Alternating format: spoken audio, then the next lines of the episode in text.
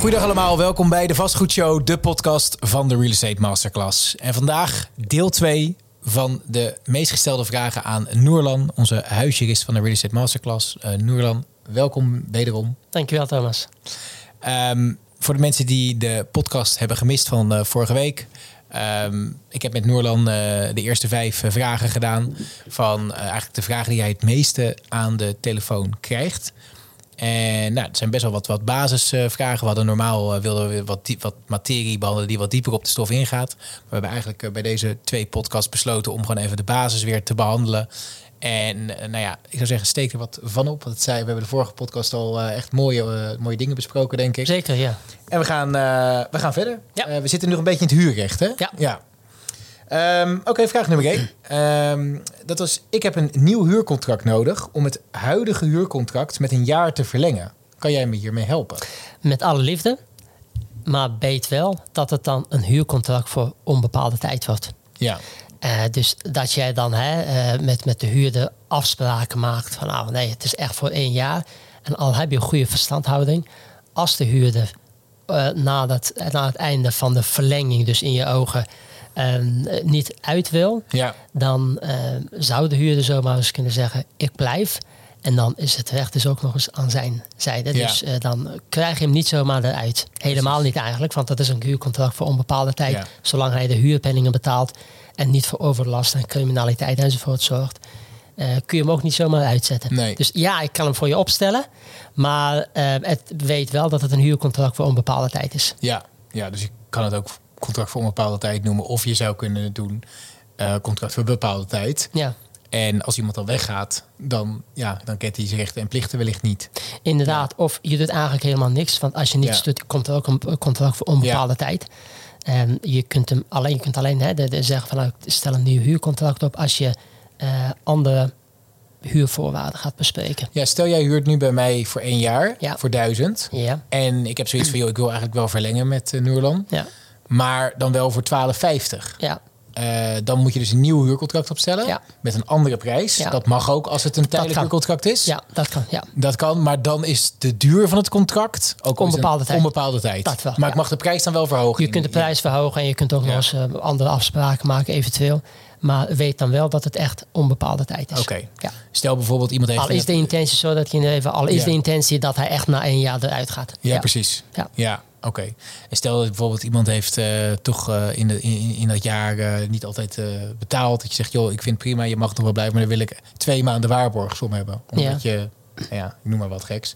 Dan zou dat mogen. Het hangt er vanaf natuurlijk of, hij, de, of de huurder in het eerste jaar ook al waarborgzaam heeft betaald. Ja, dan zouden de, stel dat hij één maand heeft betaald. Die zegt mm -hmm. dat het twee maanden is. Dan zou hij bijvoorbeeld dat... Dat, dat, je kunnen- afspraken kun je maken. Ja, ja, oké. ja, ja, dat Duidelijk. kan. Ja. Oké, dus uh, om samen te vatten. Je mag nieuwe afspraken maken na een periode van een Ja. uh, tijdelijk contract. Ja. Maar de duur is altijd onbepaalde tijd. Onbepaalde tijd, correct.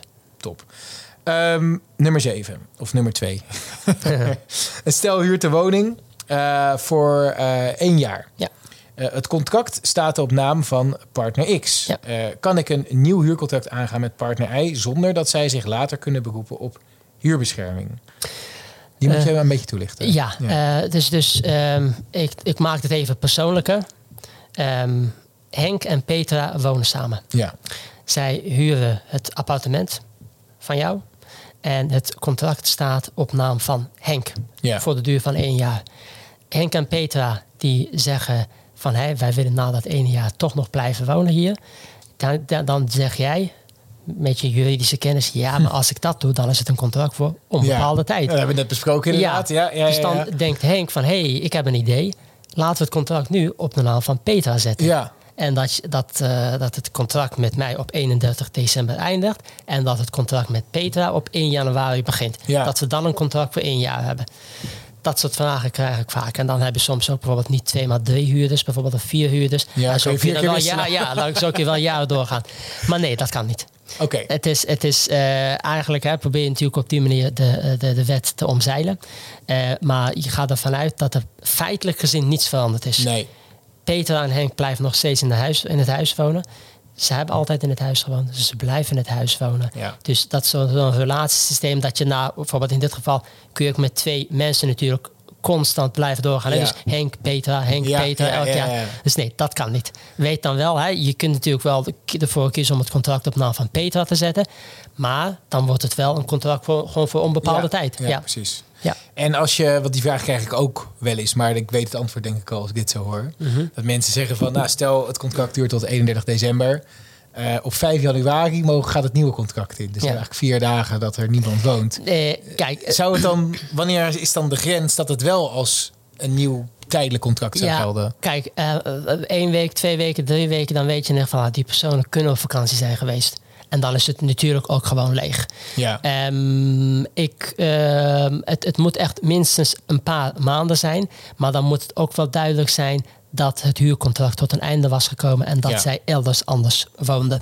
Ja. Dus niet dat je al je spullen daarin laat en zegt van hé, laten we even Precies. om met een knipoog verhuizen om Ja. alsnog een, een contract te doen. Ja, stel bijvoorbeeld, even een hele theoretische situatie, maar Ja, dan ja. zou die juridisch wel kloppen. Stel bijvoorbeeld, je zegt nee, ik wil dat jullie eruit gaan, want ik ga de woning voor meer verhuren. Oké, Die woning staat vier maanden, vijf maanden leeg. ja. Omdat jij hem eh, niet verhuurd krijgt. Je, je verhuurt hem voor duizend aan die mensen. Nou, je wil hem voor 12,50. Ze Ja. gaan eruit. Hij staat eigenlijk een paar maanden leeg. Zij wonen tijdelijk ergens anders. Omdat ze eruit moesten. ja. En ze benaderen jou eigenlijk weer van... joh, ik zie dat je de woning nog niet verhuurd hebt. Eh, zouden wij weer terug mogen? Dan zou het Voor die duizend, Ja, ja. dan zou het misschien theoretisch ja, ja, kunnen. Dan, dan zou het kunnen. Ja, dan- dan, dan, weet je in ieder geval. Dan kun je ook aantonen, mocht de, de huurders zich echt laten beroepen op huurbescherming, want dat is waar de hele angst van is. Hè, eh, dan kun je aangeven van nee, het heeft echt leeg gesta- gestaan. Ehm, ik heb het ook echt bijvoorbeeld te, huur aangeboden of wat dan ook. Of helemaal niet. Ik heb hem zelf gebruikt. Ik heb een neef van, of mijn zoon, eh, wat dan ook, daarin laten wonen voor een tijdje of logeren. Ehm, en daarna pas heb ik hem weer verhuurd. Dus Ja. er is wel echt een aanzienlijk gat tussen het einde van het huurcontract en het begin van het nieuwe Duidelijk. huurcontract. Ja. Ja. Oké, dus daar kan je niet, eh, daar kan je echt niet mee spelen. Ook Nee. daarin moet je een beetje je gezonde verstand gebruiken. verstand, en, denken ja. van wat is nou redelijk. En zo kan- zal een rechter er ook naar kijken. En ook kijken van, ehm, als jij zelf het gevoel hebt dat je de wetgever en de rechter voor de gek houdt, Ja. weet dan wel dat de rechter daar Dat ook, ook heel snel weet. Ja, Ja, dat ik- het ook heel, heel snel Ik heb een paar keer met rechters gesproken. Overigens wel altijd gewoon positief hoor. Ja. Zaak vaak wel gewonnen. Ja. Maar ehm, en, en het zijn, dat zijn slimme mensen. Natuurlijk, ja. Dat zijn geen domme mensen. Nee. Eh, logisch ook, maar eh, die kan je niet zo snel makkelijk voor de gek houden. ja. Nee. Nee, uiteraard. Want ze, ze, doen, ze behandelen dagelijks niets anders dan ja, ook de huur. Je hebt natuurlijk kantoorrechters die niets anders dan huurzaken of arbeidszaken behandelen. ja, precies. Ja, die komen dagelijks tientallen van dit soort zaken Ja, tegen. ja. Tientallen is misschien overdreven, maar wel heel wat zaken. Ja. Oké, ehm, vraag nummer drie. Twee mensen die hebben gezamenlijk een woning gehuurd eh, op één huurcontract. Dus Ja. eigenlijk Henk en, laten we Henk en Petra, die huren samen de woning. Dus ze staan allebei op het huurcontract. Ja. Eh, ze hebben gezamenlijk 2500 euro borg betaald. Eh, waarschijnlijk hebben zij hier onderling 50-50 aan bijgedragen. Ja. Eén van hen vertrekt terwijl de huurovereenkomst voortduurt. Ja. De vertrekkende persoon wil 50% van de waarborgsom terug. Wat zijn mijn rechten als verhuurder? Ja, Eh, ook dit soort vragen krijg ik eh, regelmatig. En dat is dan vaak als het bijvoorbeeld in dit geval uit is tussen Henk en Peter. Ja. Dat Henk of Peter de woning gaat verlaten. En een van de twee zegt, nou ik wil gewoon nog in de woning blijven. Ehm, waar het hier om gaat, is dat het dus echt geen kamerverhuur is. Laat Nee. dat even duidelijk maken. Het gaat Ja, want dan dus is het gewoon per contract geregeld. Precies, ja, dan ja. is het echt. Want hier heb, je, hier heb je één contract. Dus in dit geval gaat bijvoorbeeld eh Peter weg. En die wil 50% van de waarborgsom terug. Nou, daarvan kan de verhuurder aangeven van nou, ik heb een huurcontract met jullie samen. Mhm. Dat jij eruit gaat, dat is je keuze. Maar het huurcontract zelf is nog niet tot een einde gekomen. Nee. Henk die blijft gewoon die, eh, dat de ja, maandelijkse huurpenningen betalen. En eh, de waarborgsom is ook gerekend op basis van het contract. Ja. En niet op basis van hè, 50 voor jou, 50 voor jou. Nee, al was het dat het 100% door Peter of 100% door Henk was betaald. Ja. Dat maakt voor de rest niet uit. Het huurcontract is niet tot een einde gekomen. En dus hoeft de verhuurder in dit geval 50% van de waarborgsom niet terug te betalen Nee. aan Peter. En dat is ook, dan zou ook zijn dekking, het geld dat hij Ja, heeft heeft ja. gaat reageren, die wordt minder. Juist. Terwijl de woning hetzelfde blijft. En ja, dus Ja. het klinkt ook, ook wel heel logisch. Ja. Wat natuurlijk eigenlijk dan Henk en Petra zouden moeten doen, dus onderling. Onderling, Zeggen juist, van, ja. ik krijg die volledige waarborgsom terug als ik wegga. Ja. En nu krijg je de helft Ja. van mij. Ja, Ja. en waar, waarom ik dus dit soort vragen een paar keer heb gekregen.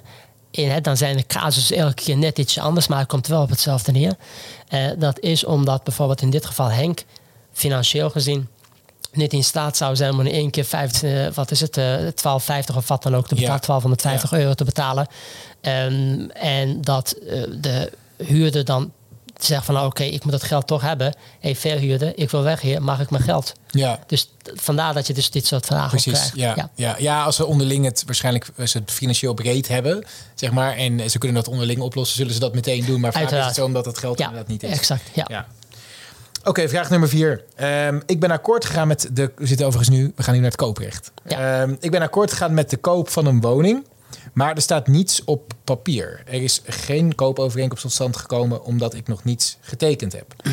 Eh, ik wil namelijk de woning bij nader inzien toch niet kopen. Ja. Hoe zit dat precies? Ehm, Dus je hebt op de mail waarschijnlijk gezegd: ik, ik heb een bod gedaan. En zij hebben gezegd: uw bod is geaccepteerd. ja. Bijvoorbeeld. Of, of, of wat je ook vaak zit is, eh, was het hier eh, dat ze, het- wel- dit was wel schriftelijk hè? Dit is, er staat alleen, ik ben akkoord gegaan met de koop van een woning, Oh ja, maar er staat ja. niks op papier. Ja, ja, Dus het zou misschien wel een mondeling Nee, kunnen zijn, Ja, of mail. Vaak is dat dan, ja, kijk, in, in mail kun je het ook nog eens schriftelijk, hè, van aanbod, aanvaarding, contract tot stand komen. Maar vaak zie je dan ook, en deze vraag zal ik dus, heeft dus twee antwoorden.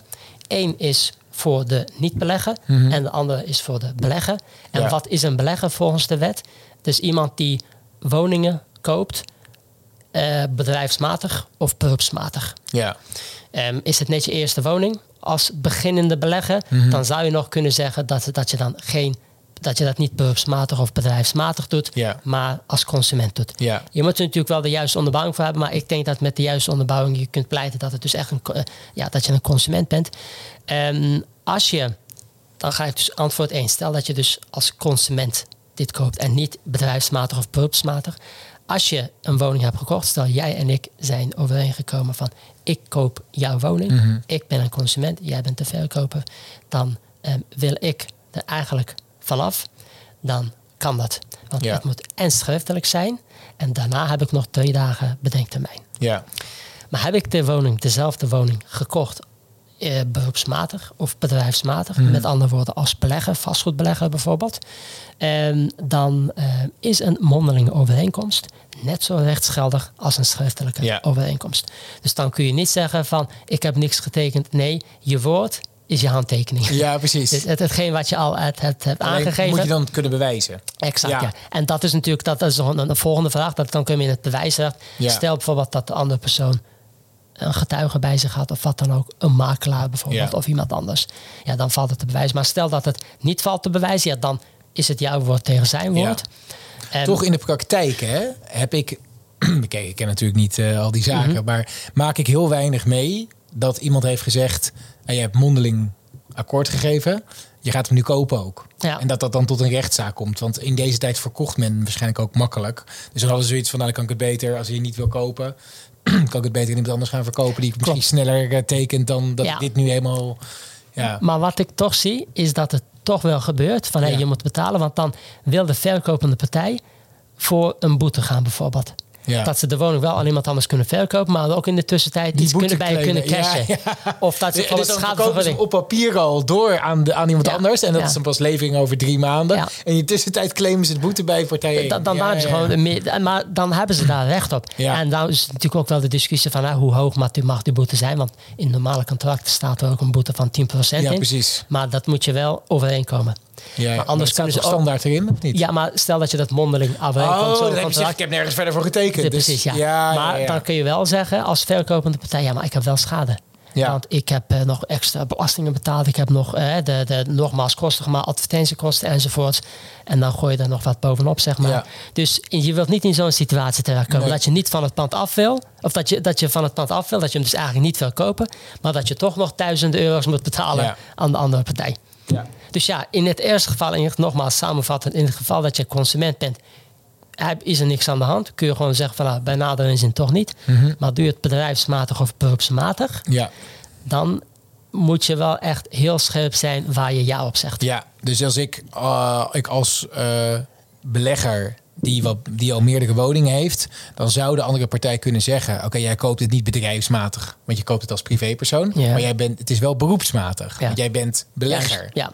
Vooral als jij het doet, Thomas, iedereen kent je gezicht. eh. Ja, ja, ja, je staat overal op YouTube Dus je met kunt- eh, video's. Ja, ja, ja. Je kunt niet meer zeggen, ik doe ja. Nee, nee, nee, dat wordt lastig. Of ander, bij wijze van, ja. Ja, of Sushin. Of eh, Sushin die of iemand anders, ja. eh, ja. Nee, oké, dat, is, dat is heel duidelijk. Want ik, ik heb echt... En anders, zodat ik in de reden val, Ja. is het een simpele search op kadaster. Ja, Kunnen ze ook achterkomen. ja, hoeveel panden je op je Hoeveel panden je hebt, ja. ja. ja, ja. Want ik, ik, ik ben dan wel eens... Ik heb wel eens naar een kantoor gebeld inderdaad. Van ja, als ik het nou als privépersoon koop... zei diegene, ja, dan ben je in principe gewoon altijd natuurlijk persoon. Dus Ja. dan geldt altijd dat... Maar die vergat dan waarschijnlijk even... dat het ook beroepsmatig was en niet Ja. alleen bedrijfsmatig. Kijk, in deze is natuurlijke persoon. Ik, ik gebruik nu net het woord consument. Ja. Maar de wet zegt eigenlijk een natuurlijke persoon. Ja, Maar eh, de, de uitleg van, van het woord natuurlijke persoon in dat desbetreffende artikel is dat die natuurlijke persoon gelijk zou moeten worden gesteld aan een consument. Dus iemand die net gespaard heeft en gaat Mhm. Een woning kopen om daar te gaan wonen.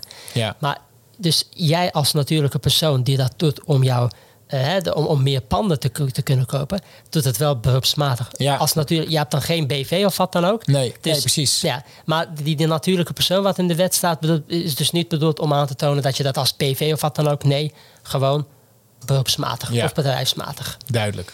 Ja. Oké, ehm, gaan we naar de laatste vraag. Eh, ik ben geen eh, echte of beginnende belegger en wilde een woning kopen. Ja. Ehm, ik heb een koopact getekend. Heb ik 14 dagen bedenktijd als consument.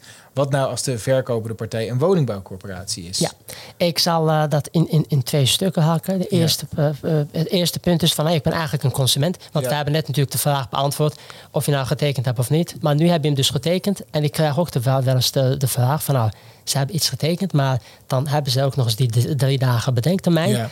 Maar ze hebben, zijn pas na tien dagen achtergekomen dat ze de woning toch niet willen. Oké, en hoe Dat- komen ze aan 14 dan? Oh, dat, Dat- is, bij- dat is in het normale recht. Dat is in het normale consumentenrecht. Als je iets bestelt, bijvoorbeeld via bol.com of, of via Coolblue of wat Ja. dan ook, dan heb je gewoon eh 14 dagen bedenktermijn. Dan zeggen ze van hé, ik ben consument. Ik heb het als consument gekocht. Ehm, en dan zegt de wet toch 14, 14 dagen bedenktermijn.